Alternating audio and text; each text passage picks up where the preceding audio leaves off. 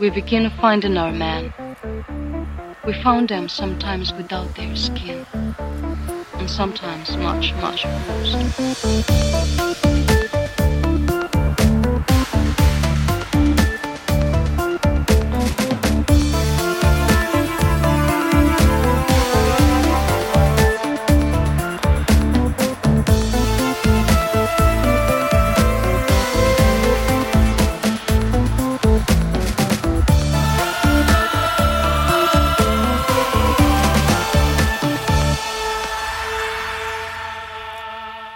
Här är avsnitt 179 av skräckfilmspodcasten Vacancy. Jag heter Erik Nyström. Och jag heter Magnus Johansson. Vi hade nu tänkt avsluta våran Predator special genom att prata om Predators från 2010 och The Predator från 2018. Men eh, innan vi gör det tänkte jag läsa upp ett eh, brev som vi har fått. Det, det är lite feedback till dig Erik. Oh. Eh, Så om det står så här. Om Erik ska fortsätta att dissa Cillian Murphy så måste han åtminstone säga det rätt. Och så här säger man alltså Cillian Murphy. Killian Murphy. Killian Murphy. Ja. Ja. Så nu vet du det. I alla fall det står vidare. Jag har just kommit ifatt alla avsnitt. Vi har inte alltid samma åsikter om film, men trevligt att få filmtips. Om ni inte har sett finska eh, Rare Exports föreslår jag den. Inte för att den är världens bästa film, men ändå. Eh, vänligen eh, Emma Linkvist. Rare Exports, visst. Eh, eh, mm, jag har inte sett den men jag tycker mig att det är väl... Ja, det är en regissör som har gjort någonting annat som har varit lite omtalat. Va? Ja, du. Det vet jag inte. Men det är väl en, en sån där eh, liten tomterulle, va? Ja. Så vi kanske kan, kan lägga den på, på högen kring jul. I tombolan. Jultombolan. Precis. Eh, vad trevligt det lät med jultombola. Ja, eh, alltid kul att få lite feedback slash kritik. Och jag ska tänka på att säga Killian Murphy hädanefter alltså. Precis. Eh, Jag vill bara notera innan vi går vidare också att jag är på väg ut ur en förkylning. Så jag låter lite som jag gör. Jag, jag hör ingen skillnad. Men Predators 2010. Regi... Eh, ah, Nimrod Antal. just det, precis. Och eh, hade gjort eh, Vacancy tidigare. Ja, det var väl hans claim to fame. Jag såg att han hade gjort någon sån här eh, indiefilm innan det. Eh, som kanske är spännande. Vacancy minns inte jag så mycket av. Jag har inte sett den. Inte. Så jag vet inte. Det är någon motell eh, tjolaho. Att den var lite poppis eh, bland många, men minns inte. Mm. Robert Rodriguez är även väldigt inblandad i Predators. Han har väl skrivit den och producerat den. Just det. Eller skrivit en draft på manuset. Jag såg även i, i, i creditslistan att han hade tagit åt sig ganska mycket av specialeffekts-creditsarna. Både en och annan. Jaha ja. Eh, jag tänkte bara nämna också, kommer väl du också få redovisa nu, eh, den här, att vi ska nämna vad vi dricker för någonting till. Jaha. För den här gången så, eh, en av våra lyssnare som jag även följer på Instagram drack en stout eh, som heter Lasse i gatan. Ja. Och det tyckte jag lät trevligt och såg gott ut så jag köpte en sån. Så jag dricker alltså en Imperial Coffee Stout från Sundbybergs köksbryggeri. Jag dricker en öl som jag hittade i kylskåpet som jag förmodligen har köpt någon gång med en läcker tiger och en spindel på omslaget. Den har en sånt här konstigt U som jag inte vet hur jag ska säga riktigt. Puhast. Nej. Ja, jag vet inte. Hu hast! Puhast.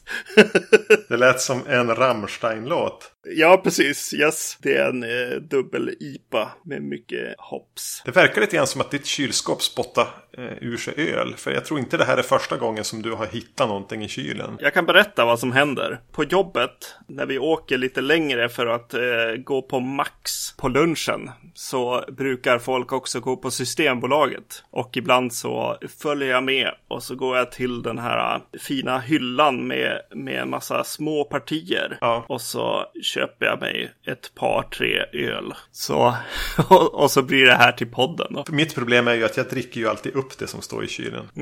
Men det är ett problem av en sån omfattning att vi kanske inte ska fördjupa oss i nu. Nej, just det. Det blir för mörkt. Vi går tillbaka till filmen Predators.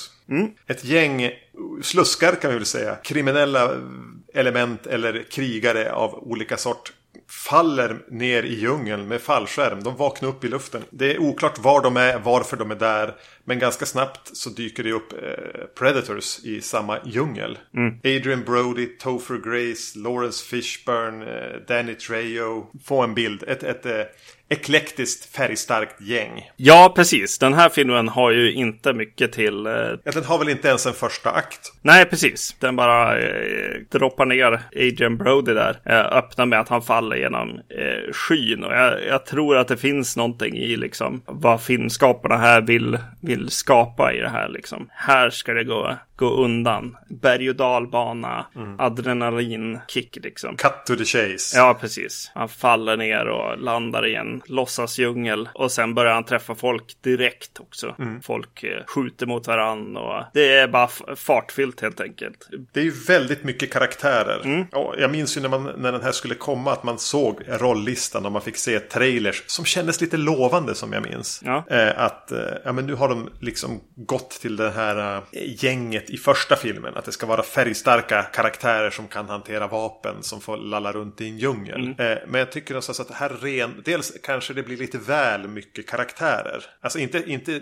mycket som i för många. Utan att alla ska ha en så tydlig gimmick. Det är kanske ett lite väl ambitiöst försök att renodla det här. Bara koka ner det till det man tror är essensen. Precis, för det är lite det som den här filmen är överlag. Alltså, jag, jag fann mig skriva ner mest saker som eh, är referenser till första filmen egentligen. Och det är väl så den, den börjar, de landar och det är någon som skjuter eh, mot dem med en minigun i djungeln där så att djungeln går sönder och sådär. Och så sen hamnar de ganska snabbt i de här fällorna.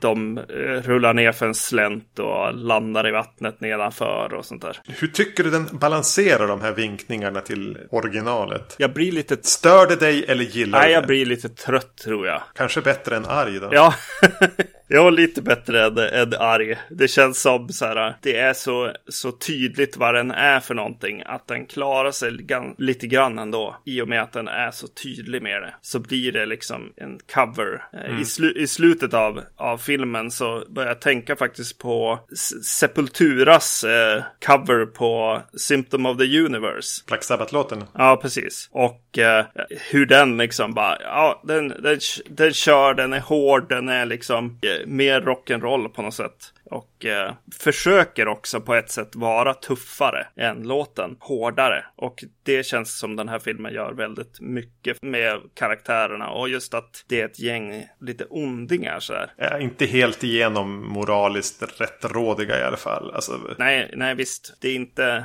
eh, soldaten som vill åka på räddningsuppdrag som eh, Adrian Brody spelar här. Nej. Utan det är eh, en, en eh, mercenary som eh, gör, gör grejen för pengar liksom. Och för att han njuter av det. Det, det, blir, det blir lite hårdare helt enkelt. Det blir ju lite ett problem, känns det som, med Adrian Brodys karaktär sådär. det, har du svårt att ta Adrian Brody på allvar som Det hårding? är ju en sak då. Men sen så här, vad, om, om han är personen man ska heja på också, så blir det ju ett problem i sig. Så att han har två saker emot sig här lite grann. En är ju då, precis som du säger lite grann, att Adrian Brody känns inte riktigt som en actionhjälte. Jag tycker ändå att jag, jag kan bli lite road av eh, känslan av hur kul han verkar ha haft här. Jag tycker han, han hoppar in ordentligt ja, och ver- verkligen älskar att göra den här karaktären. Och Ja, väser lite grann. Han blir som en pastisch på typ Dutch eller eh, alltså Arnold i originalet. Eller. ja, precis. Men att det blir lite att han eh, skoja med det också. Ja, precis. Just det. Det är lite glimten i ögat, fast inte så att det syns. Jag höll på att säga att Adrian, det är samma Adrian Brody som är med i den här uh, Dario Argento-filmen. Jallo. Ja. Man får lite känslan att Adrian Brody är, är egentligen en sån här A-list-skådis i talang. Men han har jävligt dålig smak. precis. Vilket ju egentligen är ganska sympatiskt. Ja, precis. Jo. Jo, men alltså, ja, men det blir ju lite det faktiskt. Jag tycker att det är häftigt att Adrian Brody går och går till gymmet och gör sig till värsta Arnold-biffen liksom. För den här filmen. Det är sympatiskt, ja. Det originalet har, alltså den fläskar ju på med action ganska tidigt också. Mm. Men sen när den har klarat av den biten så, så tassar den ju. Och, och förlitar sig på spänning och en slags mystik. Som jag ju förstår att man inte riktigt kan använda i uppföljarna. För då vet alla vad rovdjuret är för någonting. Det, det, är inte lika spännande att hålla det dolt i, bakom träden. Eller att man måste använda en annan approach till filmerna. Mm. Men det känns som att alla uppföljare har gått på att helt slopa den här lite mystiska thrillerbiten. Mm. Eh, det behöver inte vara vad är det som jagar oss mysteriet. Men man kan väl låta, för att vara sann mot originalet, låta det finnas en annan ådra av något, något mysterie eller en gåta eller någonting. Och det, eh, lite grann så finns ju den här. Med vad, vilka är de här och var är de och varför är de där? Mm. Och nu spoilar vi ju här. Spoiler, spoiler. Men de röjer ju det väldigt snabbt. Alldeles ja. för tidigt i filmen. Mm. Att de är på, på någon slags annan planet. Mm. Dit de hämtas av rovdjur för att ja, men, Istället för att åka till andra planeter och jaga så kan man väl ta bytena till sin egen planet. Eller en planet och jaga dem där. Ja, exakt. För eh, när, du, när du säger det så, så ja, absolut. Om man, om man kastar ner karaktärerna från skyn ner i en djungel. Då har man ju satt någon slags så här, mysterie bara där liksom. Vad gör vi här och vilka är vi och sådana grejer. Och de skyndar sig igenom ganska mycket av det egentligen. Det är bara några karaktärer som får lite så här, vem, vem är de? The Odd Man Out som spelas av Topher, Topher Grace här. Uh, här är till uttal som vi säkert får, kommer få, få uh, mail om. PH om det ska vara F. Topher, Grace. Topper Grace, nej. Nej, Topher. Uh, och uh, ja, de kunde ju ha absolut hållit på det här längre. F uh, framförallt kanske att de är på en annan planet, ja. Absolut. Sättet de avslöjar det på. Eh, när de som kommer ut eh, ur en djungel och, som på någon eh, klippavsats och de som helt plötsligt får en sy- vy över horisonten för första gången. Mm. Så ser de eh, en massa andra planeter och typ, jag vet inte fan vad det Alltså det ser jättelökigt ut. Jag kunde inte, jag, för mig är det en, en, en eh, att jag skrattar ja. åt det. det. det. är varken ett, en chockerande reveal eller jag blir inte hänförd av det de tittar på. Nej. Det känns mest bara lite töntigt. De kunde kanske ha hållit på det lite grann till, till Lawrence Fishburne kommer in egentligen. Mm. De går till hans ställe liksom. Kanske där att så här, vänta nu, vad är det här för något? Ja, ja det måste ha funnits många sätt att eh, presentera överraskningen att de inte är på jorden. Mm. På ett annat sätt än, än, det, än det de gör det. Det, det, det de nu valde. Mm. Jag hade inte velat se de, de, de, de idéerna de refuserade. Nej, just det. Men det är väl lite grann att den här filmen tänker att den ska vara mer, ännu mer rock'n'roll och action. Ja. Alltså den är inte intresserad av att hålla oss i någon ovisshet. Eller att vi ska få sitta och, och försöka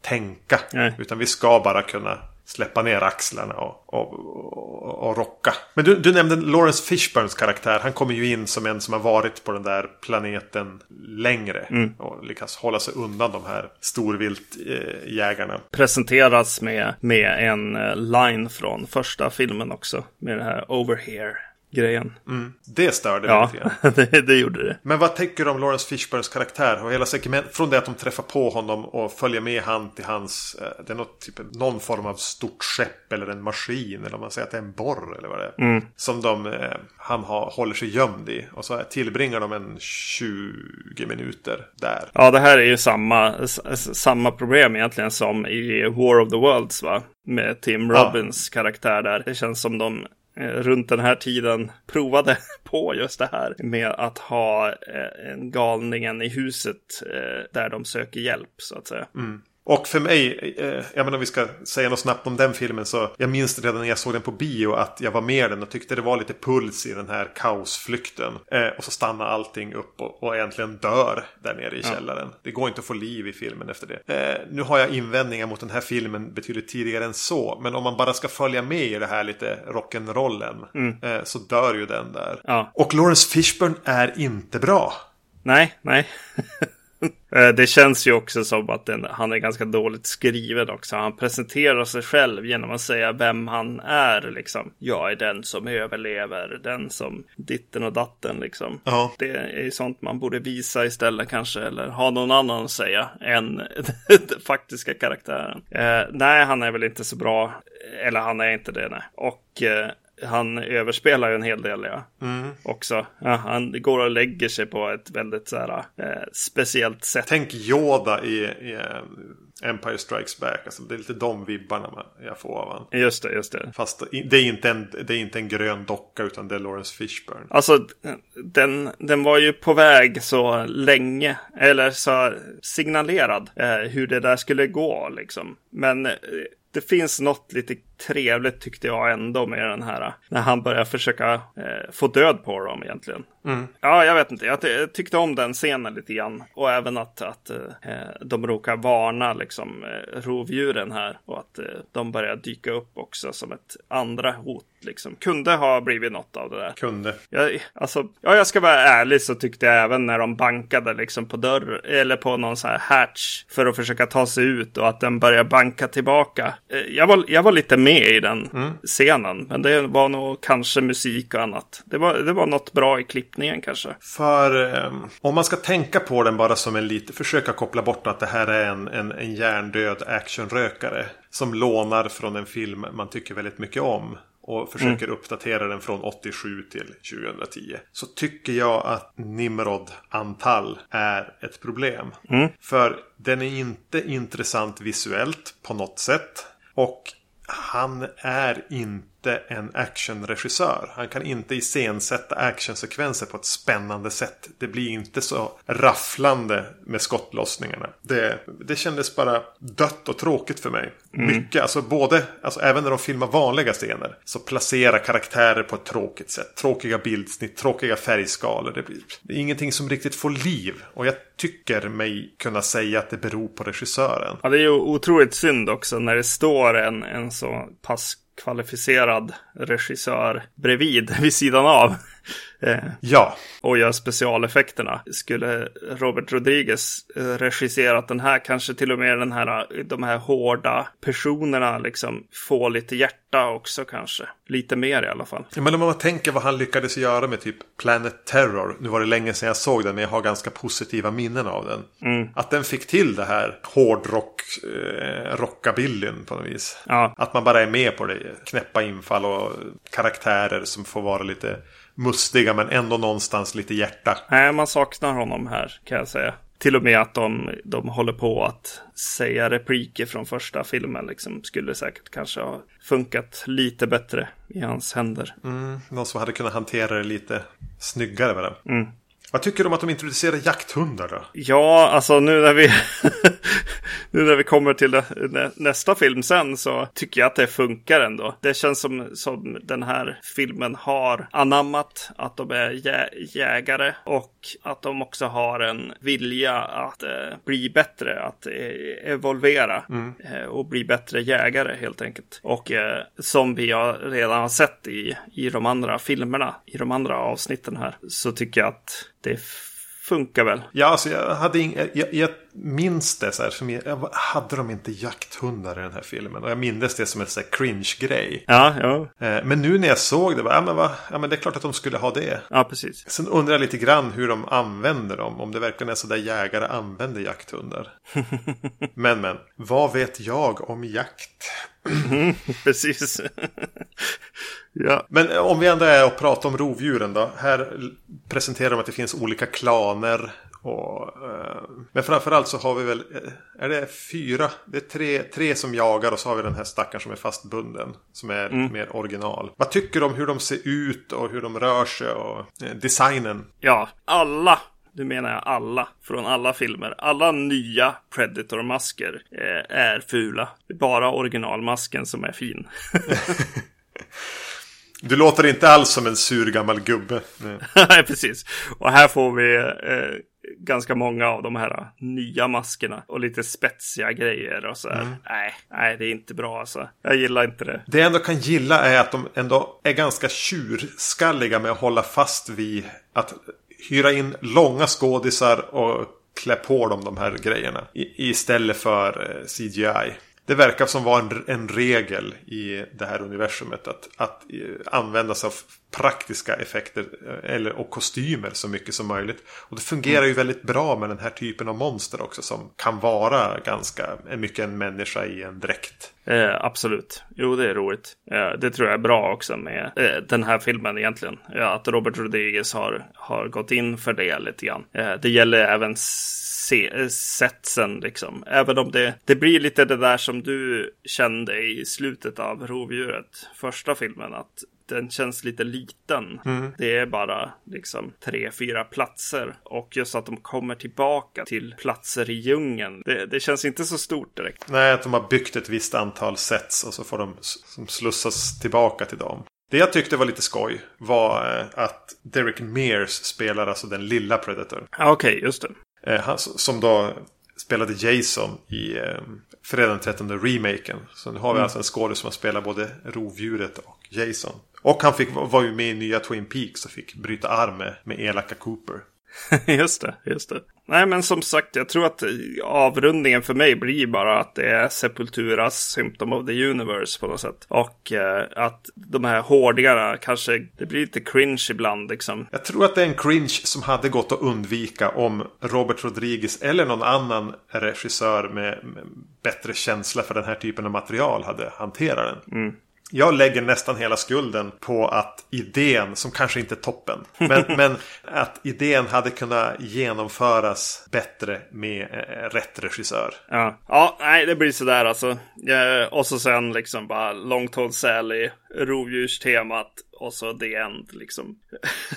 det var den filmen på något mm. sätt. Ja, den, den fladdrar förbi mer än vad den gör anspråk på att vilja göra. Mm. Den fladdrar förbi mer än vad Alien vs Predator gör. Mm. Det, det, känns lite som att vi har varit väldigt negativ. Eh, jag har varit, jag följde faktiskt med i den här filmen ganska mycket. Jag eh, tog ner garden lite grann när jag såg den nu och, och kände att så här, ja, ah, nej men visst, precis som jag tycker att Sepulturas Symptom of the Universe är hård och cool på något sätt så finns det något i den här filmen ändå. Liksom. Det, det, är, det är lite popcornhäng ja. som kan funka. Liksom. Och då blir det ju snarare den här scenen då när Lawrence Fishburne som, som känns lite tråkig bara. Eh, om man vill ha en lite snabbare resumén av en, en ny Predator-film. Eh, den har ju lite problem också i att, i att den eh, går och döper sig till Predators. Eh, som ju är en referens till Aliens. Mm. Som ju är en betydligt bättre uppföljare än den här. Ja men det är den. Ja. det kommer yes. jag inte att diskutera.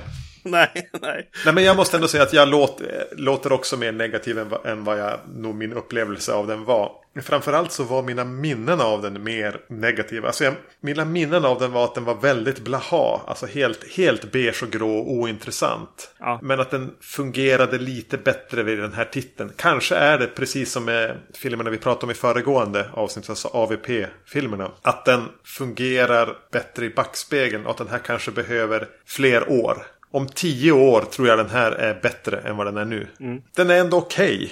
Alltså mm. jag, jag, jag, hatar inte den här heller. Uh, ja, ja, kanske att det är så. Men, men uh, problemet med den lite grann då i så fall kan jag tänka mig är att den, den redan tittar i backspegeln själv lite mycket. Mot för till exempel uh, Predator 2. Ja. Och AVP-filmerna egentligen.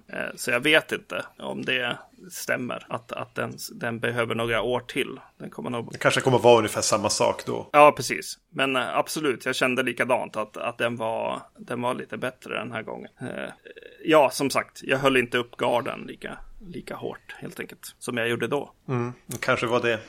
Mm. Mer avslappnat sätt att se den en andra gång. Yes. Vi hoppar in till någonting bioaktuellt nu då va? Precis. The Predator. Mm. Från i, i år.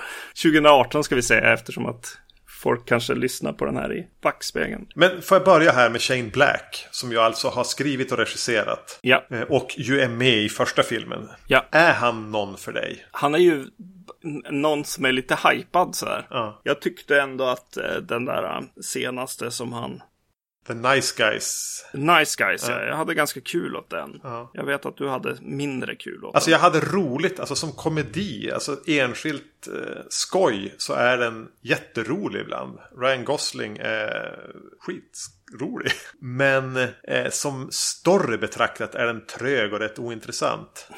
Eh, ju, just den här liksom Shane Black gör Iron Man 3 eller Shane Black gör eh, en rovdjuret-film. Det, det känner jag inte alls eh, av. Nej. Det är inte min grej. Jag vet inte om det är... Alltså jag har aldrig varit någon dödligt vapen eh, filmernas snubbe heller. Jag, alltså, jag, jag inte, de är ingenting för mig. Nej, inte, inte för mig heller. Nej. Jag tänker att han är inte en som skriver ett vattentätt manus. Han är inte den som skriver eh, en klassisk struktur med, med, med en stegring och, en, och en, en snygg sammanvävning i slutändan. Utan han har mer en känsla för sköna karaktärer, lite coolt.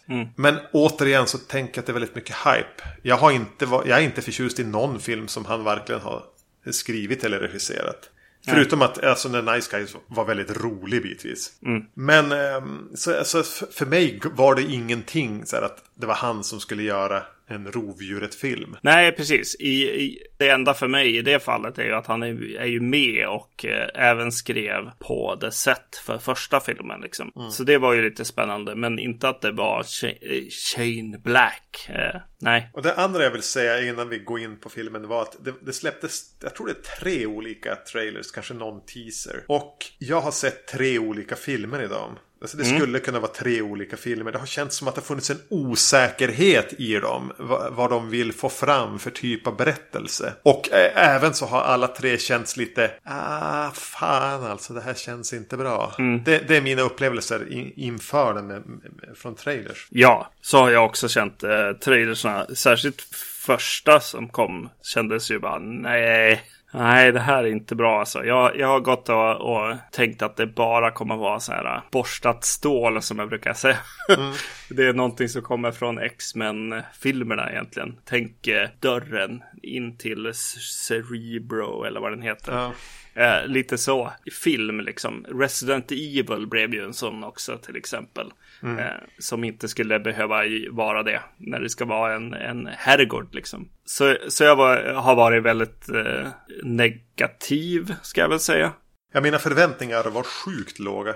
Mm, mm. Eh, vilket ju kan vara bra, tänker jag. Ja. Jag, jag, försö- jag sitter lite grann nu och bara försöker så här, ståla tid med att formulera i huvudet vad den här handlar om. Rovdjur kraschar på jorden. Soldater blir en soldat blir varse detta. CIA försöker lägga beslag på rovdjur. Och tysta soldat. Soldat tar ihop det med eh, ett gäng PTSD-soldater. Och försöker både komma undan CIA och rovdjur och få stopp på allting. Någonting sånt. Uh, yes. Och mitt i det här så har han ju också skickat, Uh, han har, när han träffar rovdjuret här i början, rovdjuret störtar och han ser det här, han är på uppdrag och uh, han är sniper. Springer till, till skeppet där och möter eh, rovdjuret och hittar en mask och en, ja, som de har på armen. Han gömmer, gömmer dem och skickar hem dem egentligen. Han ska väl egentligen skicka det till sin, sin PO-box, men den hamnar i hans eh, familjs händer, sons händer. Ja, så det finns ett litet barn här också som, som meckar med utomjordingsteknologi. Såg du den i 3D? Ja, det gjorde Ja, ja jag med. jag. Eh, jag vet inte om jag såg någon 3D, men eh, ja, det gjorde Nej, jag, jag satt faktiskt under filmen och, och roade mig med att lyfta glasögonen. För att kolla om det var 3D i vissa scener. Det är inte mycket 3D. Det är inte. Nej. Bara något kort om biobesöket så var det... Hade de sto- fick inte se någon reklam innan, ingenting. För det enda som var, allting var rosa. Okej. Det var en stor rosa duk när vi kom in. Och eh, sen eh, när de började köra reklam så var det mesta i rosa fast med kanske lite mintgröna Alltså man såg vad som rörde sig där. Mm. Och jag fick se Fox-loggan i typ rosa och mintgrönt. Och så började de om. Och så prövade de igen. Så jag var som inställd på att nej, jag kommer inte att se den här filmen ikväll. Just det. Hoppas att jag lyckas ordna det här inför inspelningen nu. Mm. Men, men de fixar det. Ja. Och då ska jag säga redan nu, tyvärr. Uh, jag gick ju på IMAX uh, visning och eh, där måste man se på eh, både reklam och trailers men också reklam för IMAX i sig. det är mycket sådana här stora fläskiga liksom Lyssna på det här. Tro dina ögon. IMAX är skitballt. Videosar innan. Det är två stycken sådana. Det, det är hemskt. Eh, ja, det var mer peppigt när jag gick på bio. Eh, ja, men jag såg den här. Vi spelar in nu så är det söndag.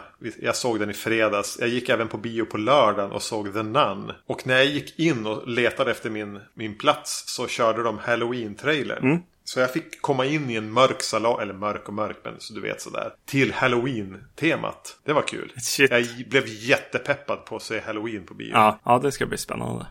Det här var inte det så mycket. Spännande. Nej, precis. Nej, men vet du vad som är en gimmick med Predator-serien? Det är att filmerna ska börja så fel som möjligt. Mm -hmm. De etablerar det i första filmen. Ja. Med den här rymd... Där man får se en kapsel fara ner. Och här får vi en till rymdstrid. Alltså det känns som att vi tittar på A New Hope. Ja. Med ett stort rymdskepp som jagar ett litet rymdskepp och de hoppar genom hyperspace eller vad fan de gör och skjuter på varandra. Vad fan är det jag sitter och tittar på?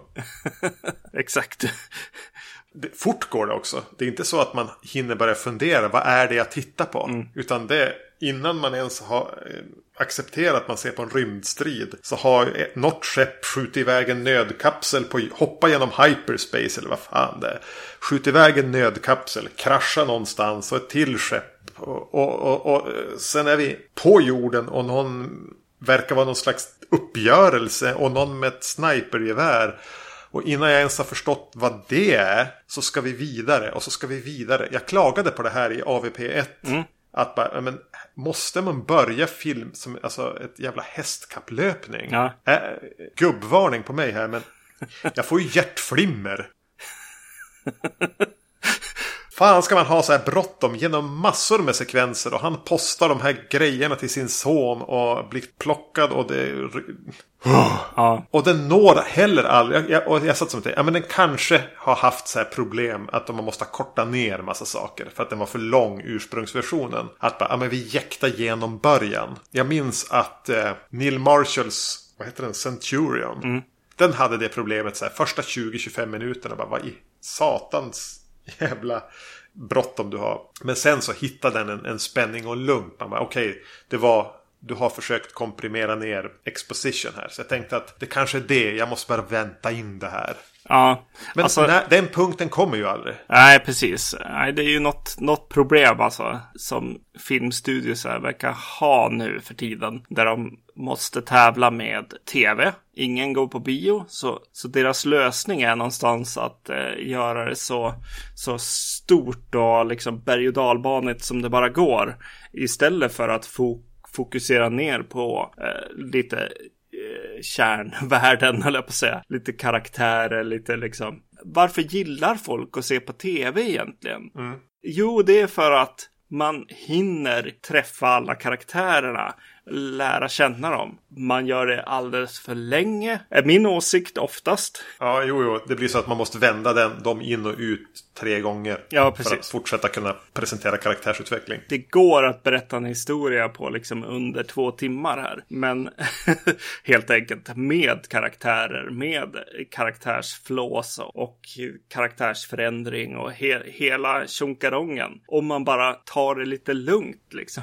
Mm. Och jag tror någonstans att det är det som folk i slutändan vill ha. För det här blir ju ruskigt utmattande att titta ja, på. Jo. Det kändes som att jag tittade på The Lego Movie. Mm. Alltså att det ska som bara galoppera på. Och det blir ju jätterörigt. Det är som ett rörigt kaos. Från, alltså från ruta ett. Ja.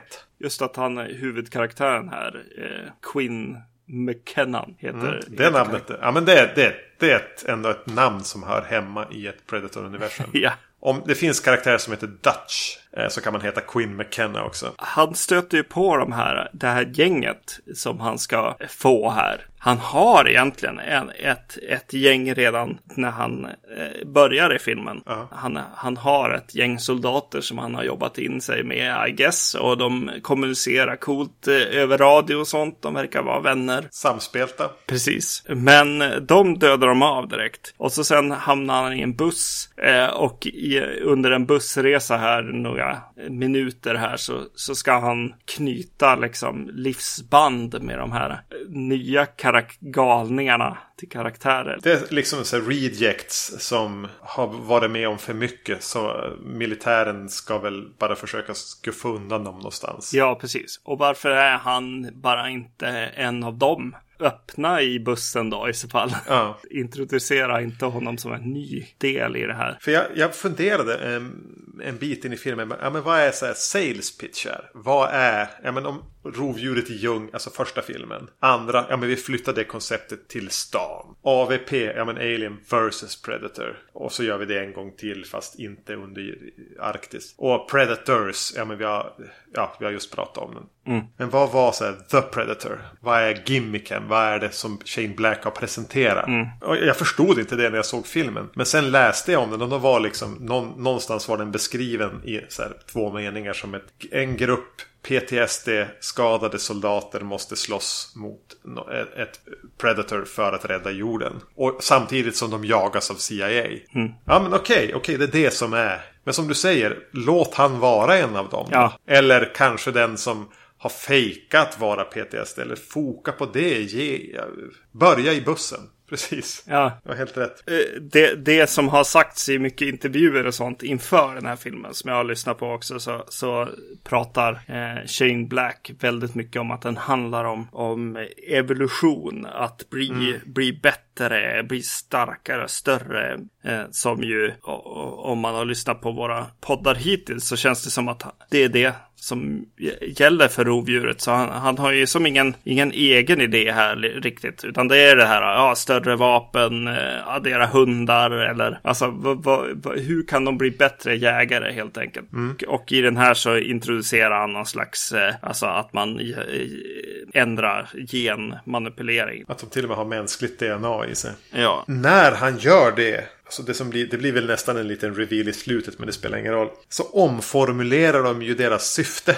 Det här är, ja men jag kan som köpa det. Det här är storviltsjägare. De bara älskar att jaga allt i hela universumet. Vi ska jaga det, samla troféer. För det är så vi förverkligar oss själva, vi predators. Men här så börjar han prata om att nej men det är inte det de gör. Utan de har riktat in sig på jorden av en anledning. Ja. Och de kommer hit för att typ deras egen planet håller på att gå under eller vad det är. Så de ska som ta över jorden så småningom och befolka den och anpassa sig själva för att kunna göra det. Ja, ja. Det gillar jag inte. För hela konceptet med den här är ju att vi är utsatta för storviltsjägare som samlar på oss. Det är en lite otäck grej med det. Rätt åt oss grej om du frågar mig. Och någon sån här skitnödig klimatgrej. Att vi håller på att värmer upp jorden så mycket att snart har vi värmt upp den så mycket att Predators bosätter sig här. Alltså, ja, jag vet inte. Allting det här grumlas ju ner i den här jättestressiga, röriga kaoset. Mm, precis. Kan vi hitta någonting i nutid som gör det här värt någonting på något sätt? Eh, och så bara, ja men säg någonting om klimat, liksom förändringen. Det blir bra. Den är skriven tillsammans med en person också, Fred Decker, som har gjort lite skräck eller genrefilm Ja, tidigare. Monster Squad bland annat. Skrivit manus med Shane Black tidigare också. Det känns lite som det. Att Shane Black någon gång har bara, ja men skriv någonting om global warming, det blir bra. och så han må- måste sätta sig ner och bara, ja, renskriva. Något Shane Black spottade ur sig. För ändå, om du tänker då att Shane Black som manusförfattare är ganska kass på story och struktur. Så hade man väl ändå kunnat önska sig att det fanns karaktärer, snärtiga one-liners eller eh, någonting där. Någon, en skön känsla då. Men när, när ska den hinnas med? Ja, För var det någon, något replikskifte som du tyckte var så bara, ja men det där var, rev ner skrattsalvor i biosalongen? Ja, nej. Alltså just att eh, de gör det igen här. Presenterar karaktärer som hej, det där är den roliga. Han som bara skämtar. Va, varför säger man det? Bara, visa. Ja, det här har de verkligen en presentationsrunda i bussen också. Ja. Jag tyckte det var lite kul att Thomas Jane fick spela någon sån här Tourettes knasboll. Jag, jag, jag, var hela tiden när jag såg, jag, är det där Thomas Jane? Det ser ut som han, men eh, ser lite samtidigt lite för nästan förståndshandikappad ut på Ja. riktigt. Om man bortser kanske från Tourettes-grejen som jag tycker är lite eh, småjobbig så här. eh, Så är ju, är ju Thomas Jane ganska intressant i den här filmen. Just utifrån det. Att så här, ja så där har man ju inte sett honom Nej. alls. Utan jag tänkte så här, ja nu har de tagit med en gruff, liksom den lite äldre i gänget som ska kunna steppa upp när det behövs och sånt där. När jag såg att han var castad. Men, men han fick den här lite underliga, det otäcka personligheten. Så. Ja, nej, för mig var det nästan behållningen Ja. av Thomas Jane. Ja, jo precis. Jo, jag gillar, jag gillar faktiskt honom. Du nämnde det tidigare att vi har en liten pojke här som har fått delar av de här Mm. eh, utomjordingstekniken som ju då är huvudkaraktärens son. Ja. Av någon anledning skulle det blandas in i det här också. Ja. Den pojken har de valt att ge, alltså att han har Asperger eller ett diagnos inom autismspektrat. De presenterar tidigt att han är ljudkänslig. Han kan inte gå förbi hundar som skäller utan att få panikångest. Mm. Men han är med i slutet är med en eldstrid i djungeln då allting exploderar. Eh, Ja, det här går ju över, överlag egentligen. Att alla blir superhjältar. Eller blir liksom gun nuts. Även eh, Olivia Munns karaktär. Är som en, liksom en glasögonorm till forskare. Ja, som alltså. Det går ju inte en kvart innan hon springer omkring och gör och skjuter med gevär och, och gör stunts liksom. Ja. Ja, nej, så det, det är kanske inte så konstigt att den här pojken liksom helt plötsligt glömmer bort att han... Glömmer bort sin diagnos. Ja, precis, just det. För att försöka blanda in det också. Att det har någonting med evolution att göra. Att, att autism inte är ett, alltså ett, ett handikapp. Utan att det är nästa. Vårat nästa evolutionssteg. Vilket på något sätt samtidigt tyder på att han inte har förstått vad evolution handlar om. Det här med slumpvisa mutationer. Där den som råkar vara bäst anpassad till de då rådande omständigheterna. Är den som får flest parningar och lever vidare. Så eh, Shane Black förstår ju in- inte vad alltså, eh, klassisk darwinistisk evolution handlar om. Utan han tror att det finns någon så här predestinerad, som att levla i ett dataspel. Ja, just det. Men han är ju en, en träskalle. Folk med Tourettes dock, de är, de är inte nästa evolution. De är ett, ett skämt. Ja. Eh, Och det är väl hans grej alltså. Det är väl det som är så här, det som Shane Black är på något sätt. Att han är väldigt grabbig i sin, sin tankegång. Och det är det som, som händer här. Tourettes är roligt. Det är roligt när man säger dick, fuck och, eh, och så liksom. Lite då och då. Det är humor. Och det, det blir ganska tydligt i den här filmen att ja, jo, så är det ju. Eh, så farhågorna kring, kring Shane Black eh, kommer ju fram här på något sätt. Jag, jag frågade dig om, om hundarna i förra filmen. Eh, Och de kommer, eller det är inte de som kommer tillbaka här. Men de har hundar här också. Jag kallade i mina anteckningar här som jag har spilt den här stouten på. eh, Så de är väldigt sexigt fläckiga. Så står det Deux ek makena hunden. För vad fan har de för roll? Annat än att servera en handgranat vid lämpligt tillfälle. Dyka upp här och där. Och, eh, nej, jag förstod ingenting av hundarna. Ingenting. De, de var ju nästan på så ett Buñuel-nivå i att vara ett surrealistiskt inslag i den här filmen. Och, eh, och just att, att de håller på och provar DNA och grejer och sånt. Och det är ju tydligt att det här är ju en- en predator som har, som har provat på liksom lite grejer. Ja. För den har ju dreads. Jo, det är dreads på hunden. Ja. Alltså gud vad dumt. Jo just det, och så råkar den äta granater eller vad den gör. Nej det är, nej. Nej de här hundarna, alltså. Då, då säger jag Predators hundarna, de är eh, genidrag i jämförelse. Jo, jag, jag kände nog nästan det att, att hur väl genomtänkt och väl använda de blev när man hade sett de här hundarna. Alltså, vä- alltså att de ens tar med dem på uppdrag. För de är ju idioter.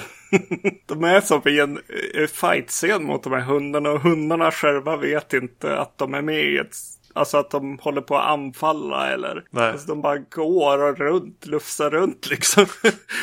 Medan alla har panik och skjuter mot dem. Stackars hundarna. ja, Det är två eh, rovdjurlag här också. just det. Det finns, finns ju då den här evolverade Ja. Predatorn. The Predator, I guess. Ja, antar det. Ja, som, som är eh, bara mycket större. De har skalat upp den i Photoshop. För det bidrog liksom till det här att det, det blev så jävla många olika lag med i den här cagefighten. Att ja, men CIA är med.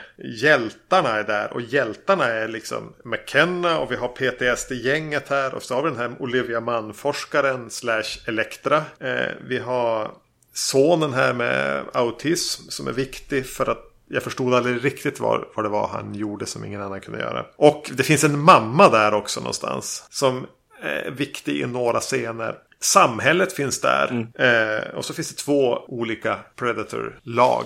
Säg tre för många. Ja, just det, precis. Det känns som att det är svårt att komma från första rovdjuret egentligen. Vart, vart ska man ta det liksom? Och eh, nu är vi på sjätte filmen som de eh, finns med i. Och man provar på exakt samma saker, känns det som. Ja. Eh, man gör en Predalien, eller liksom den här vargvarianten, eller vad man ska kalla det för, i Predators. Eh, den, den som är nästa steg på något sätt. Och i The Predator så bara, ja men hur stor kan vi göra den utan att den eh, känns jättetöntig? Det är liksom vad de kom fram till på något sätt. Jag skulle hellre ha velat se, men det är ju jag såklart som fanboy I guess, att de hade gått tillbaka till så här, ja det här är rovdjuret. Mm. Gör en 2018 en, uppda- en uppdatering av det. Kanske i en stad, alltså var som helst.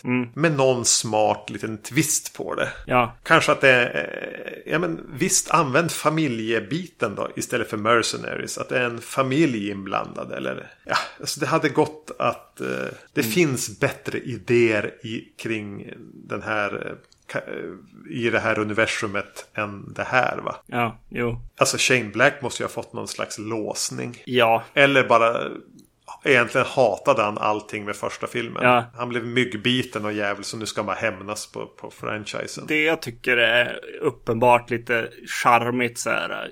Det är ju den biten som är från att han var med i första filmen och spelade in en film som hette The Hunter väldigt länge. Eh, och eh, att han har sett att franchisen och första filmen handlar om en jägare. Varför heter inte odjuret här jägaren eller någonting? Ja. Och just att han slår, slår in det två gånger också. eh, Och jobbar in det en extra varv. Det tyckte jag var lite charmigt och roligt. Det var typ det. Eh, Jag tycker överlag också faktiskt att han, den här CIA-skurken eller vad man ska kalla han för. Jag tycker att han är lite charmig alltså. Den skådespelaren gör ett ganska bra jobb av den här lite eh, jobbiga karaktären. Ja, kanske. Ja, jag tycker att han har charm. Det är förmodligen bara skådisen snarare än, än karaktären. Men vad tyckte du om slutet då? Alltså efter allting är uppklarat. Den här nästan efter eftertextscenerna. När de öppnar en kapsel. Du trodde det skulle vara Arnold i den va? Alltså, vad, vad, vad skulle det vara i den?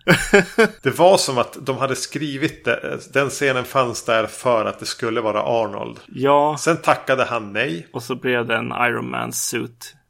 Alltså, ja, alltså, fruktansvärd scen. Men den, den sticker ju inte ut eftersom den är en i raden av många fruktansvärda scener. Ja, fast alltså det är ju, jag tror att, att filmen i allmänhet faller, i, faller isär lite i slutet också. Även om den, den skyndar början. Och så kan man säga bara, ja men det här kunde ha blivit så här. Men att den faller sönder lite i slutet också. Att det, jag, jag slut, slutar helt bry mig. Från egentligen, ja vadå, punkten är väl uppenbar för mig då. Eh, och det är när den, den stora eh, rovdjuret slår sönder det lilla rovdjuret. Franchisen helt enkelt. Jag måste samtidigt säga att jag hade faktiskt svårt att hålla med vaken. Mm. Jag tror att jag kan ha sovit genom delar. Eh, men jag vet att jag kom på mig själv att vänta nu, nu har jag lagt igen ögonen. Mm. Jag borde kanske se det här. Jag borde kanske titta på filmen. Jag, tro, jag tror att det är det som hände med att jag gillar den här skurken. För att han var så stor och eh, fl flamboyant kanske man kan säga. Att, att så här, ja, han, han krävde att jag tittade på på vad han gjorde. Liksom. För det här ständiga stressandet mellan nästa actionsekvens blir ju bara sövande. Mm. Och så ganska dåligt. Ja, jag tycker att det är så tråkigt när hon vaknar där i, i motellet och eh, fotot är så jävla tråkigt alltså. När de står i en line-up eh, från hennes point of view. Och det bara, vad va, va är det här? Man semesterbild, alltså, oh. Eh, jo, eh, en till grej som jag faktiskt gillade ut, som, som jag kom på nu bara för att jag pratade om foto. Eh, det var lite, lite av actionen. Han Boiled eh, Holbrook som spelar huvudkaraktären här blir så här kastas runt och, och springer i skogen och rullar lite grann. Och det fälls träd runt han och grejer eh, i någon sekvens mot slutet som var så här bara, ja men det här är, det här är roligt att titta på. Ja, det är, det är så, det är väl en Marvel-film på ett sätt den här. Det är det kanske. Den kändes rätt mycket så, ja. Ja, det är nästan som att samma person som gjorde Iron Man 3 har gjort den här mm. filmen. Mm. Ja, vad fan alltså, vi släpper den nu va? Ja, nej, alltså, vad, vad, vad synd alltså. Jo, den lyckades ju bli en besvikelse trots att mina förväntningar var så låga. Jag tycker att det är extra synd utifrån saker som vi har, vi har varit på bio. Vi såg Hereditary och jag ville verkligen att den skulle vara eh, bra en av de här bra filmerna. Och så sen går vi och ser den här och det är bara, det, det är taskigt mot oss. vi blir, vi upplevs som griniga gamla gubbar. Eh, när de gör såna här jävla skitfilmer. Ja, de måste ju tänka på våran image. Just det, precis. Jag hoppas att det kommer någon film som vi verkligen tycker om här på bio snart. Typ någon med ett väldigt klassiskt ledmotiv. Yes, yes. Förhoppningsvis. Jag hade betydligt roligare i biosalongen när jag såg The Nun dagen efter. Inte för att, alltså den var precis vad du kan förvänta dig av de här James Wan mm. eh. Men den var väldigt medveten om eh, typ Exorcisten 3. Både Argento och Fulci fanns där. Så den var lite medveten. Men samtidigt var den ju så här jätte Belgian Blue uppumpad och brölig och musklig och i slutändan ganska tom. Men vad fan, det var roligare än det här. Yes, vi borde börja gå och se dem istället. Ja. De här jump scare eh, skräckisarna. Men vi brukar alltid när vi har tagit oss igenom en filmserie, som vi ändå får kalla det här, eh, göra en liten rangordning av eh, filmerna i den. Mm. Här är det sex filmer. Jag kan börja och säga vilken film som, som jag upplevde var den sämsta i, i Predator-universumet. Ja, jag, jag, tycker att du får, får leda det här väldigt hårt. Alltså för att jag känner att jag hade jätte, jättesvårt ja. med den här. Eh, för att jag älskar ju Predator. Det är ju en av mina absoluta favoritfilmer. Men vi kan väl säga båda två att vi har den på första plats så behöver vi inte avhandla första platsen.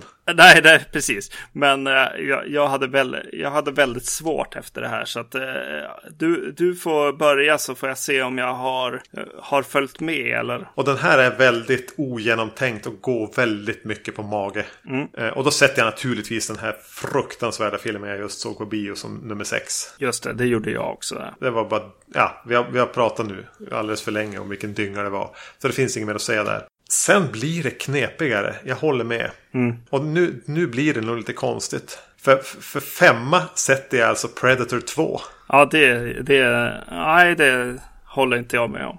För jag eh, såg den liksom som den misslyckade uppföljaren. Eh, och förmodligen är det en orättvis bild. Men i det här sammanhanget, i det här svepet av filmer så blev den bara en sån misslyckad potential eh, av en regissör som inte hade en aning om vad han skulle göra för film. Eh, jag, jag vågar mig på och provar och säger att på femte plats så sätter jag AVP. Den första ja. ja. Den första Alien vs Predator-filmen. Jag hade svårt med, med de två filmerna. Ja, jag med. Och de är ju lite alltså, i någon parentes också. Så det är lite ja. svårt att foga in dem här. Men jag har gjort det. Mm. Och då kommer alltså på plats, vad sa jag då? Fyra sätter jag eh, AVP2. Requiem. Just det. Där har jag den också. Ja. Det känns som att jag tappar bort en film här. Eh, ja, nej men snäppet ovanför den så har jag första AVP. Plats tre. Ja, Ja, just plats det. tre, AVP. Där har jag Predators. Och eh, jag sätter ändå Predators som nummer två. Jag, ty jag tycker det är intressant för det var faktiskt de som jag satt och, och tänkte på också. Särskilt under tiden som jag såg Predator så eh, klev den upp och blev faktiskt en contender till Predator 2. Eh, men jag har Predator 2 på andra plats utifrån att den, den fortsätter, den provar, den ser vart den kan ta rovdjuret. Vilket inte någon av de andra filmerna gör, utan de andra backar och tittar på första filmen mycket mer. Så jag tycker, tycker att det är lite charmigt att de provar med betongdjungeln. Ja, då är vi på Predator på ett första plats då. Jo, men det, det är ju så. Men det, det, jag känner, eh, jag ska inte anklaga dig för det. Jag kan bara se på mig själv här att jag tror att just den plats den har, alltså så viktig som den har varit för mig i mitt filmuppvaknande. Så håller jag den, värderar jag den kanske högre än vad den förtjänar. Så kan det vara. Alltså allvarligt. Eh, alltså om så här kvalitet, du vet, mot favorit. Ja. Det, är ju en, det är ju något man brukar fundera på ibland. Det är därför man inte vill sätta eh, stjärnor och sånt där. Eh, Betyg på saker och ting egentligen. Så, så här är ju favoriten på något sätt. Men till exempel Alien är ju en bättre film. Men eh, Predator är, är favorit. Alien kommer vi kanske till vid något tillfälle. Det känns som att vi måste va? Ja, Vi vet, eh, vi törs inte riktigt säga vad vi ska göra härnäst. Vi, vi låter det vara osagt, tänker jag. jag, jag tänker säga någonting om det i alla fall. Och det är att eh, det kan ta lite tid. Vi kan komma liksom några dagar senare än vanligt. Vilket jag känner att vi gör nu också. Ja. Egentligen. Nu var vi tvungna att vänta in en biofilm och nu är det bland annat en Romresa som ställer till det. Va? Yes, precis. Så, så eh, håll till godo på något, sätt, på något sätt ändå. Eh, så hörs vi nästa gång. Ja, och ni vet var vi finns. Yes. Hej då. Hej!